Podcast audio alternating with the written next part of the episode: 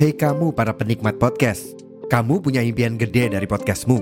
Tools di First Story bisa banget bantu kamu.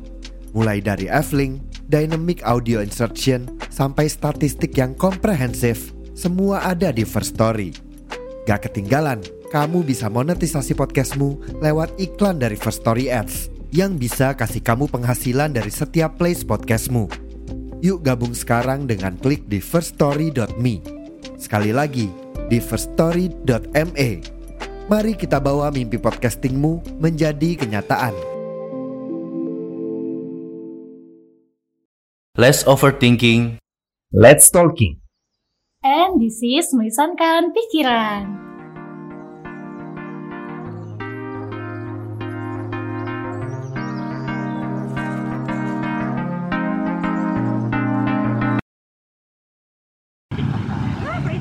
Daripada nambah pikiran, nanti Halo, baik lagi bareng aku Farha dan aku gak sendirian nih, aku juga bareng Sama aku Evan. Nah, dan kita berdua ini nggak sendiri juga nih. Kita juga mengundang teman kita dari boleh kenalkan namanya? Ya, halo eh, semuanya gitu ya. halo, perkenalkan aku Nadia Nurilia Zahra, bisa dipanggil Nadia aja. Nadia. Halo Nadia gitu ya. nah, mungkin bisa uh, uh, dikenalin gak sih kamu dari kampus mana? Oke, boleh. Eh, aku Nadia dari Universitas Muhammad Warman. Kebetulan aku dari jurusan psikologi. Ya. Eh, mungkin nah jadi eh, sekarang ini kan kalian lagi ngadain event gitu ya Ya, benar. ini kan ini kalau boleh tahu eventnya tentang apa gitu Oke, mungkin aku jelasin eh, secara singkat dulu ya. Eh, nanti kalau ada pertanyaan boleh ditanyain. Jadi event ini eh, untuk memperingati kesehatan mental sedunia. Nah, namanya itu Cycle Care. Jadi sebenarnya kami ini melanjutkan event yang tahun lalu diadakan. Jadi tahun lalu ada event namanya Cycle Fair. Sama, sama-sama memperingati Hari Kesehatan Mental Sedunia. Kemudian kami lanjutkan dan kami ganti namanya menjadi Cycle Care dengan eh, menambah rangkaian-rangkaian acara yang lebih menarik lagi, menarik masa gitu ibaratnya. Dan untuk rangkaian acaranya tuh ya kurang lebih eh, apa ya? Kami mikirin di sini gimana caranya eh, mengundang masa nggak cuma dari mahasiswa tapi masyarakat umum juga untuk sama-sama memperingati Hari Kesehatan Mental Sedunia. Jadi kayak eh, bikin masyarakat itu nggak awam atau eh, ngerasa kesehatan mental itu tabu atau bagaimana gitu. Jadi pengen mengundang masa sebanyak-banyaknya untuk hadir di acara kami sama-sama memperingati Hari Kesehatan Mental Sedunia begitu. Oh, berarti ini bisa eh nggak dari anak kuliah aja ya kan ini bisa juga didatangin sama eh, apa Umum gitu. Umum gitu Iya, ya. benar TSO-nya umum. nah eh, kalau boleh tahu menurut eh, kamu itu eh, mental health itu apa sih Oke, eh, agak serius ya menurut Iya. menurut aku sebagai anak psikologi mental health itu tentang kesehatan yang nggak terlihat secara kasat mata gitu ya. Iya, jadi eh, kesehatan namanya juga kesehatan mental ya yang pastinya eh, mental kita tuh bahagia, ngerasa ngerasa apa ya pokoknya ngerasa happy terus.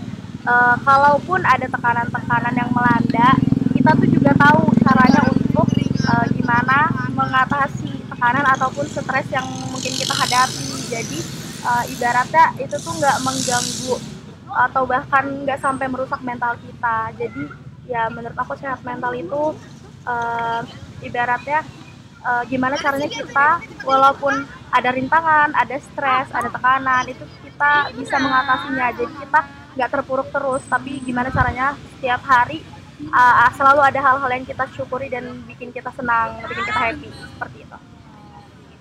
Nah ngomong-ngomong masalah mental health nih ya, ini kan kayak eh, kita sebagai mahasiswa itu pasti kayak eh, banyak lah kayak istilahnya tuh kayak eh, mental breakdown gitu kali Iya, ya, ya ha-ha. kan.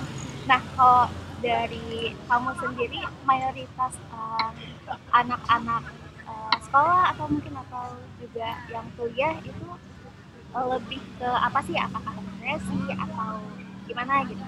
Ya oke mungkin aku uh, jawab. Sebenarnya aku nggak terlalu tahu banyak mengenai apa ya namanya mengenai frekuensi seberapa banyak anak sekolah yang mengalami kecemasan atau depresi atau seberapa banyak uh, mahasiswa yang mengalami depresi atau kecemasan cuman dari banyaknya tugas-tugas psikologi sendiri yang aku jalani kan aku uh, di mata di mata kuliah tertentu ada subjek yang beda-beda jadi aku bisa ngambil mungkin TSO-nya mahasiswa umum atau mungkin mah apa TSO-nya bisa anak kecil bisa anak berkebutuhan khusus gitu gitu kan ya.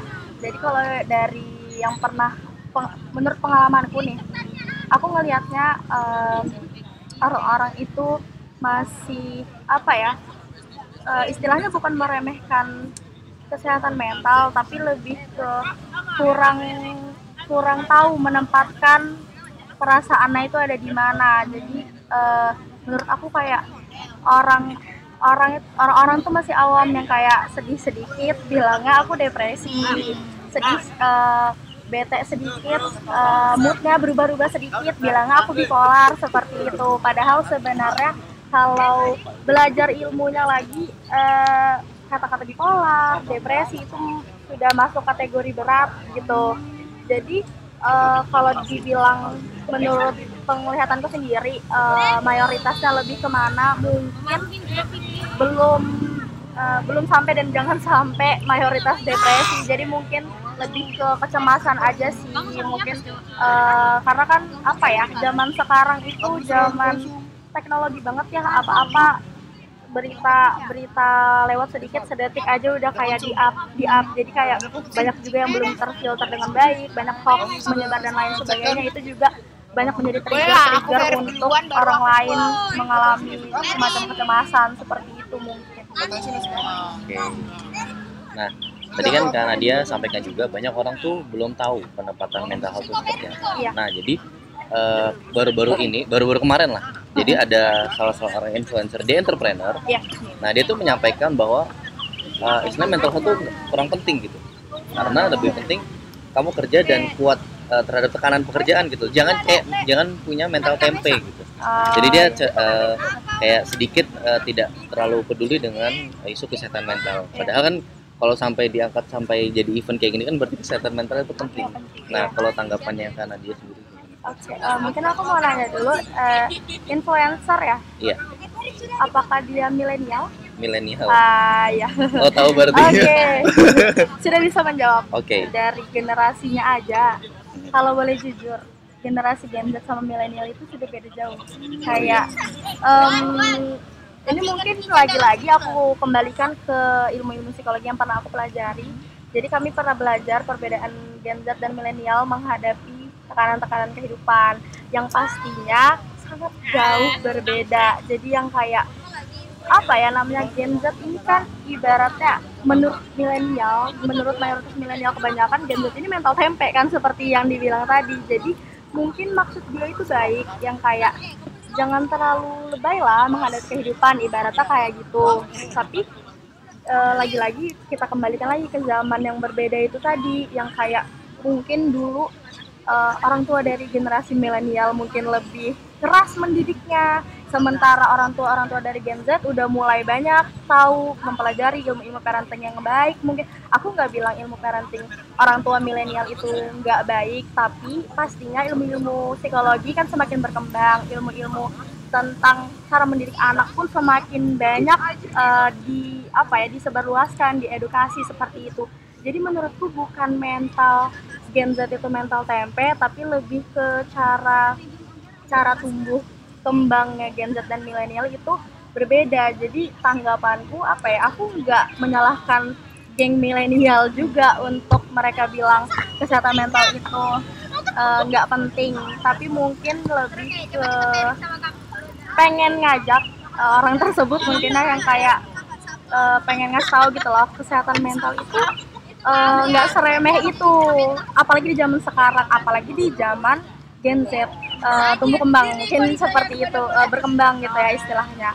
Mungkin itu yang bisa Jadi, aku bilang. semakin Gen Z ini berkembang iya. berarti isu kesehatan mental bakal semakin lebih penting lagi iya ya? benar banget. Karena lagi lagi-lagi yang aku bilang tadi kan ilmu ilmu psikologi semakin meluas dan eh, nggak ada salahnya memperluas pengetahuan eh, mengenai kesehatan mental sama seperti ilmu-ilmu yang lain nggak cuma ilmu psikologi ilmu teknologi ilmu kedokteran dan lain sebagainya pasti berkembang pesat gitu kan ya. Jadi eh, apa ya namanya aku lebih ke pengen sama-sama mengajak aja sih jangan meremehkan ilmu apa pun itu. Apalagi kesehatan mental yang sudah menyangkut diri sendiri dan sesama manusia. Seperti itu.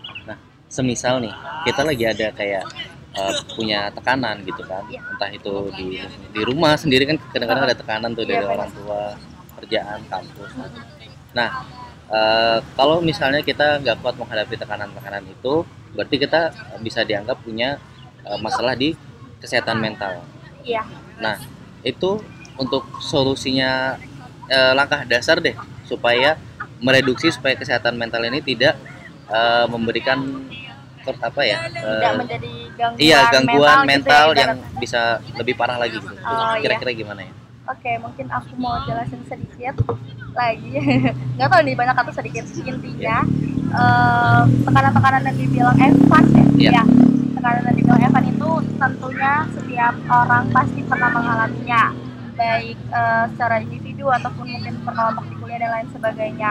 Eh, aku mau jelasin dulu eh, tingkatan tingkatan tingkatan dari eh, kecemasan naiknya ke mana. Jadi sebenarnya sebelum orang mengalami depresi itu cemas dulu cemas itu yang dibilang tadi yang kita dapat tekanan terus kita bingung mungkin kayak nggak dapat problem solving segala macam. Kita pasti cemas kan mikirinnya. Jadinya apa? Dampaknya nggak bisa tidur eh, dan lain sebagainya lah ibaratnya. Terus kalau hal itu nggak diatasi jadinya apa? Jadinya stres.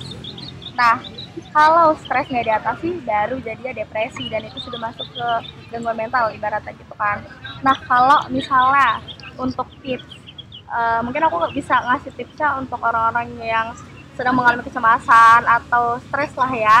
Itu yang pasti balik lagi ke diri sendiri dulu cari tempat nyaman untuk membagikan ceritanya. Kalau memang sudah nggak bisa diselesaikan sendiri.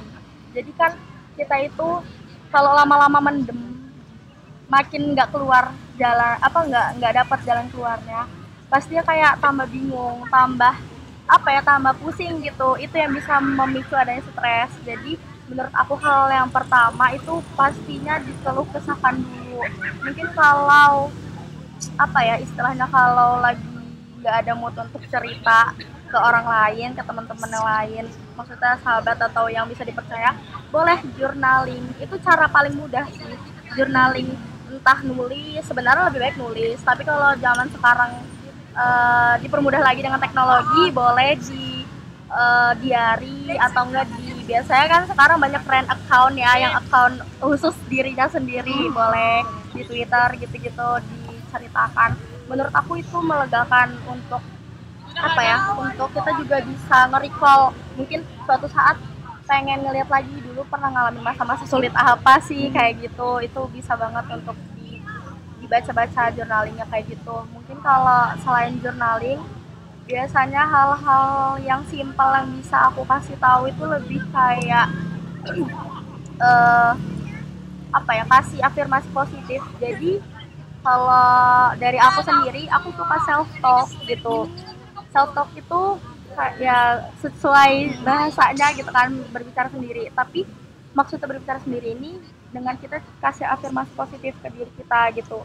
Jadi dengan eh, misalnya kita kayak lagi ada masalah atau apa terus kita coba mikir-mikir sendiri sambil ngomong-ngomong sendiri kan eh, tadi aku tadi aku ada tugas ini berat banget deh. Sebenarnya aku eh, cara nyelesainnya gimana ya? Apa aku bisa nanya kakak tingkat atau aku bisa minta bantuan temanku terus ya dari situ kan sambil ngobrol sambil cari jalan keluar sendiri. Biasanya aku dapat insight-insight dari diriku sendiri. Atau enggak kasih afirmasi kasih afirmasi positif. Misalnya aku habis ngelakuin kesalahan eh, terus kayak sedih banget. Misalnya mungkin kalau dengan nangis aja nggak cukup biasanya aku bilang kayak ya udah nggak apa-apa udah terlanjur terjadi jadiin pelajaran. Nanti insya Allah bisa ngelakuin hal yang lebih baik lagi. Karena kan eh, nggak eh, manusia itu ibaratnya tempatnya salah ya. Maksudnya nggak semua harus dilakuin secara sempurna. Bukan kemauan kita juga untuk jadi nggak sempurna ibaratnya kayak gitu. Mungkin lebih ke itu sih cerita cerita ke teman yang dipercaya journaling self talk kalau sudah butuh apa ya butuh relaksasi yang mungkin ibaratnya tanda kutip nggak harus ke terapis atau ke psikolog aku punya tips yang namanya butterfly hug. Sebenarnya itu sudah sering sih diterapkan. Mungkin kalian juga pernah dengar atau tahu butterfly hug itu kalau sudah butuh apa ya namanya butuh dekapan gimana ya bahasanya? Pokoknya kayak aku ngerasa butterfly hug itu bikin nyaman gitu sih. Gimana ya? Kalau di sekitar kalian nggak ada orang yang bisa meluk kalian kalau misalnya kalian eh, apa ya kalau kalian nyaman ya untuk dipeluk dan sebagainya gitu. Bisa meluk diri sendiri terus ya sambil self talk lagi lagi lagi menurutku itu ngelegain banget karena dari pengalaman aku sendiri aku pernah melakukannya dalam hal klasikal ataupun kayak individu di rumah. Menurutku itu sih. Maaf ya kepanjangan ini. Ini kita seru banget loh bahasnya karena ini pembahasan milenial banget gitu ya. karena apa ya dan semua pendengar kita juga pasti butuh ini banget gitu kan. Iya. Dan oh ya aku mau nanya. Jadi eh, apa ya tadi aku nanya lupa. Nah jadi kalau misalnya kan kan ada orang yang ekstrovert sama introvert. Iya. nah kalau misalnya orang ekstrovert itu dia mungkin kayak dia bisa menceritakan eh, sesuatu sama orang-orang gitu. Misalnya dia kayak istilahnya kayak curhat gitu lah kan. Iya. nah kalau misalnya introvert mungkin dia kayak eh, bingung gitu mau cerita ke siapa. Nah menurut kamu nih eh, misalnya antara kedua orang introvert dan orang ekstrovert ini dia lagi pengen banget cerita gitu. Ya menurut kamu hal yang paling apa ya ibaratnya tuh paling membantu mereka itu apa? Eh, maaf aku belum nangkep eh, pertanyaan nah boleh oh iya. maaf maaf, Iya, maaf. jadi apa yang maaf? eh, gimana ya cara jelasinnya? Eh, pokoknya hal yang mungkin eh, mudah untuk dilakukan dan mungkin orang-orang juga nggak bakal tahu. Mungkin ada hal apa ya yang simple gitu ya buat eh, curhat gitu. Eh, ini membahas introvertnya atau dua dua Eh, dua-duanya. Oh iya. Eh, boleh aku jawab? Iya boleh. Ah ya oke jadi eh, nanti kalau aku mungkin kurang nangkep bisa di eh, apa ya minta jelaskan aja lagi ya, Ya, jadi eh, menurutku dari introvert dan ekstrovert ini kan dua kepribadian yang berbeda karakter yang berbeda. Kalau kalian kalian kayaknya mungkin udah tahu aku seorang ekstrovert jadi dengan gampang lah ibaratnya ya kalau pengen cerita yang kayak mungkin tiba-tiba temen yang gak deket aja misalnya aku lagi kesel tapi dia ada deket aku mungkin aku bisa ceritain yang kayak aku tuh kesel loh. Tadi habis kayak gini gini gini gini, gini gitu. Dengan pandang lebar aku dengan mudah berbicara gitu. Tapi kalau introvert ya em, menurut pengalaman pribadi aku punya sahabat-sahabat yang ternyata sahabat-sahabatku ini rata-rata introvert semua. Yang kayak di misalnya bertiga itu cuman aku yang ekstrovert kayak gitu loh. Memang kayak dari SMP kayak gitu. Jadi kalau aku lihat bedanya adalah mereka sangat butuh waktu untuk menyesuaikan seorang mana yang mereka percaya untuk mereka bisa cerita. Karena em, ibaratnya contohnya sahabatku dari SMP sudah tujuh tahun berteman bersahabat. Dia sampai sekarang nggak punya teman cerita selain aku dan temanku yang sudah tujuh tahun bersahabat ini. Jadi yang kayak ngelihat perbedaannya benar-benar signifikan lah ibaratnya ya. Si introvert ini ibaratnya kan eh, dia benar-benar nggak mau terbuka bukan nggak mau terbuka nggak bisa terbuka untuk orang lain gitu. Jadi kalau ditanya pandanganku misalnya tentang perbedaan si extrovert dan introvert ya itu tadi Em, introvert ini memang butuh waktu yang lama untuk punya teman berbagi. Jadi mereka lebih suka mendem. Dan tipsnya lebih ke aku nggak bisa ngasih tips sih untuk si introvert ini karena susah ya untuk masa harus dipaksa tapi lebih ke kepekaan orang-orang di sekitarnya. Kalau dia tahu orang ini pendiam. Kalau orang ini mungkin pasti dari ekspresi kelihatan sih yang kayak walaupun dia pendiam tapi dia moodnya lagi baik-baik aja pasti dia akan merespon hal-hal dengan baik. Tapi kalau sudah dia sudah pendiam lebih diem lagi lebih nggak ngerespon lagi nggak terlalu dengerin cerita orang-orang di sekitarnya misalnya ya itu lebih ke kepekaan orang-orang di sekitar lagi untuk nanyain dia kenapa apakah mau cerita enggak tentang hari kalau biasanya nggak misalnya kayak "Ah, nggak apa-apa mau cerita nggak? Eh, enggak sih lebih ke biasa kalau aku lebih ke lebih kepancing aja yang kayak "Eh, emang hari ini tadi ngapain sih kayak gitu sih lebih kayak ke detail gitu ya itu mungkin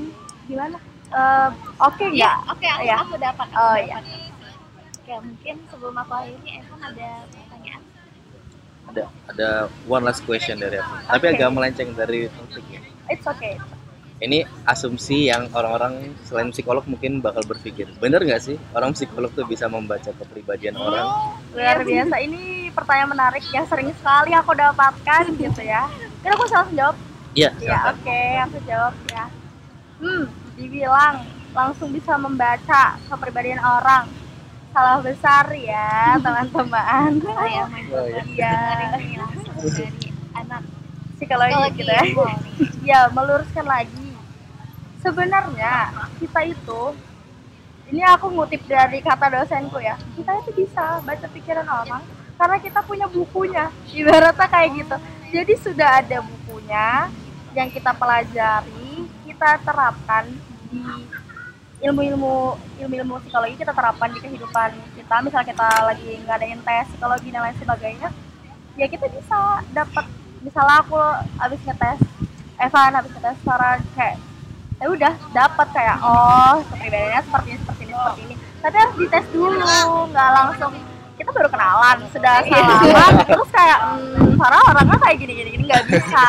Tapi kalau ya dari yang terlihat aja yang kayak aku bilang tadi kan kalian kan kayaknya udah tahu banget deh aku ekstrovert. Nah kalau kayak gitu kan terlihat aja dari secara luarnya. Tapi kalau untuk kepribadian itu pastinya harus ada tes tes ya tes yang harus aku scoring scoring itu ibaratnya kayak perhitungan perhitungannya lagi aku cek juga. Selama kita melakukan tes itu kan ada observasi jadi aku cek juga perilaku kalian selama melakukan tes itu bagaimana bagaimana. Nah baru dari situ kepribadian kalian tuh bisa ketahuan gimana.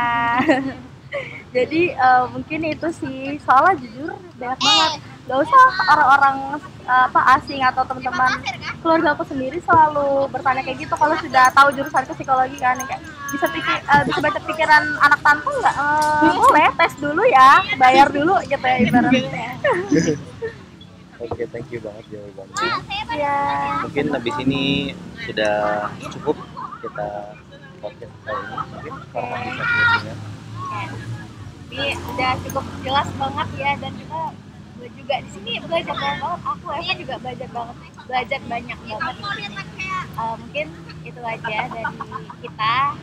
Eh, mungkin eh, teman-teman bisa follow Instagram kita di Misalam Pikiran atau kalian juga bisa share eh, cerita-cerita kalian di email kita di misalkan pikiran kalau gitu aku pamit.